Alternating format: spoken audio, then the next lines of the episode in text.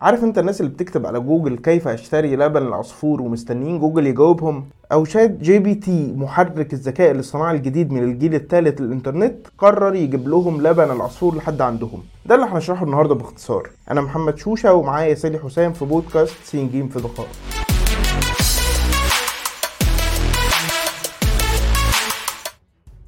يطلع إيه ال ChatGPT ده يا سالي؟ عارف محرك البحث جوجل؟ أهو إيلون ماسك بقى قرر يضربه بمحرك بحث جديد بقدرات خيالية. البرنامج عبارة عن روبوت معتمد على الذكاء الصناعي. عملته شركة OpenAI التابعة لماسك. وهو أتاحه مجانا كواحد يعني من فروع كتيرة في الذكاء الصناعي بيستخدمها دلوقتي. منها برنامج DALL-E بتاع الرسم بالذكاء الصناعي. ودلوقتي عندنا ChatGPT اللي بنتكلم عنه دلوقتي. وده ممكن تكتب عليه أي سؤال يخطر على بالك فيجيلك إجابته بأسلوب يشبه إجابات البشر.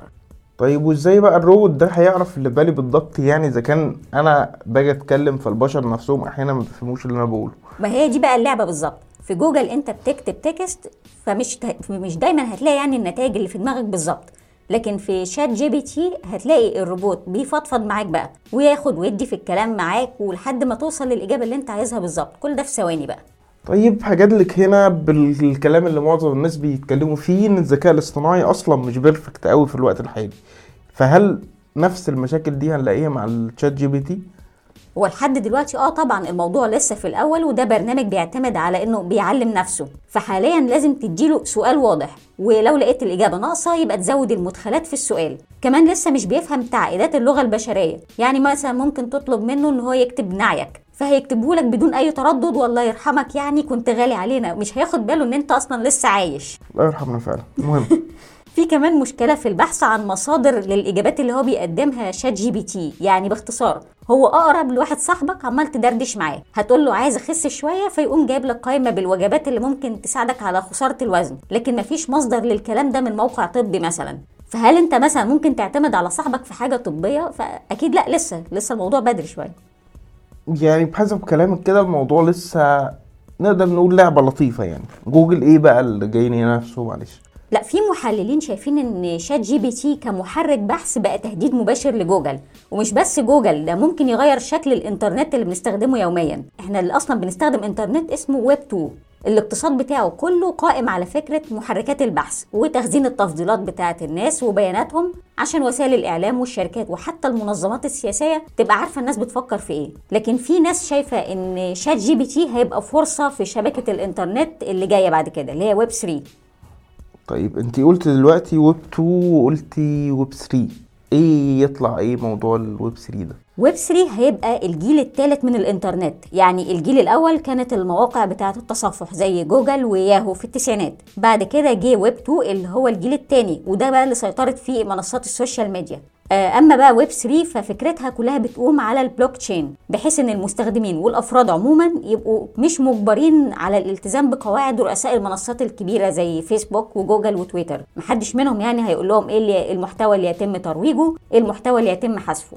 طيب عشان الناس تفهم الموضوع أكتر بس هنحط لهم لينكات في ال description ليها علاقة بويب 3 والبلوك تشين عشان يفهموا أكتر الموضوع ده بيمشي إزاي. لكن إحنا دلوقتي بنتكلم على ال ChatGPT مع الويب 3 يعني بنتكلم على يعني انترنت جديد بمحرك بحث جديد. إيه النتيجة بتاع الموضوع ده كله؟ مع ChatGPT وغيرها بقى من البرامج اللي عملتها OpenAI تخيل إن شكل الويب 3 هيبقى قائم على المنتجات ال NFT مش بمعنى الصور بتاعت القرود اللي انتشرت السنة اللي فاتت لكن بمعنى أدق أي منتج digital هيكون ملك صانعه بس. الصورة اللي أنت بتعملها على الذكاء الصناعي هتبقى بتاعتك أنت بس وأنت اللي تقدر تبيعها. بنفس الطريقة في توقعات إن الشركات ووسائل الإعلام عموما لما تعمل منتج هتسوقه بنفس الطريقة. منتج مقابل مبلغ على البلوك تشين. ده ممكن يساعد كتير في سوق العملات الرقمية أكتر يعني. آه يعني أنا كده فاهم من كلامك إن الموضوع copied ومنقول وال...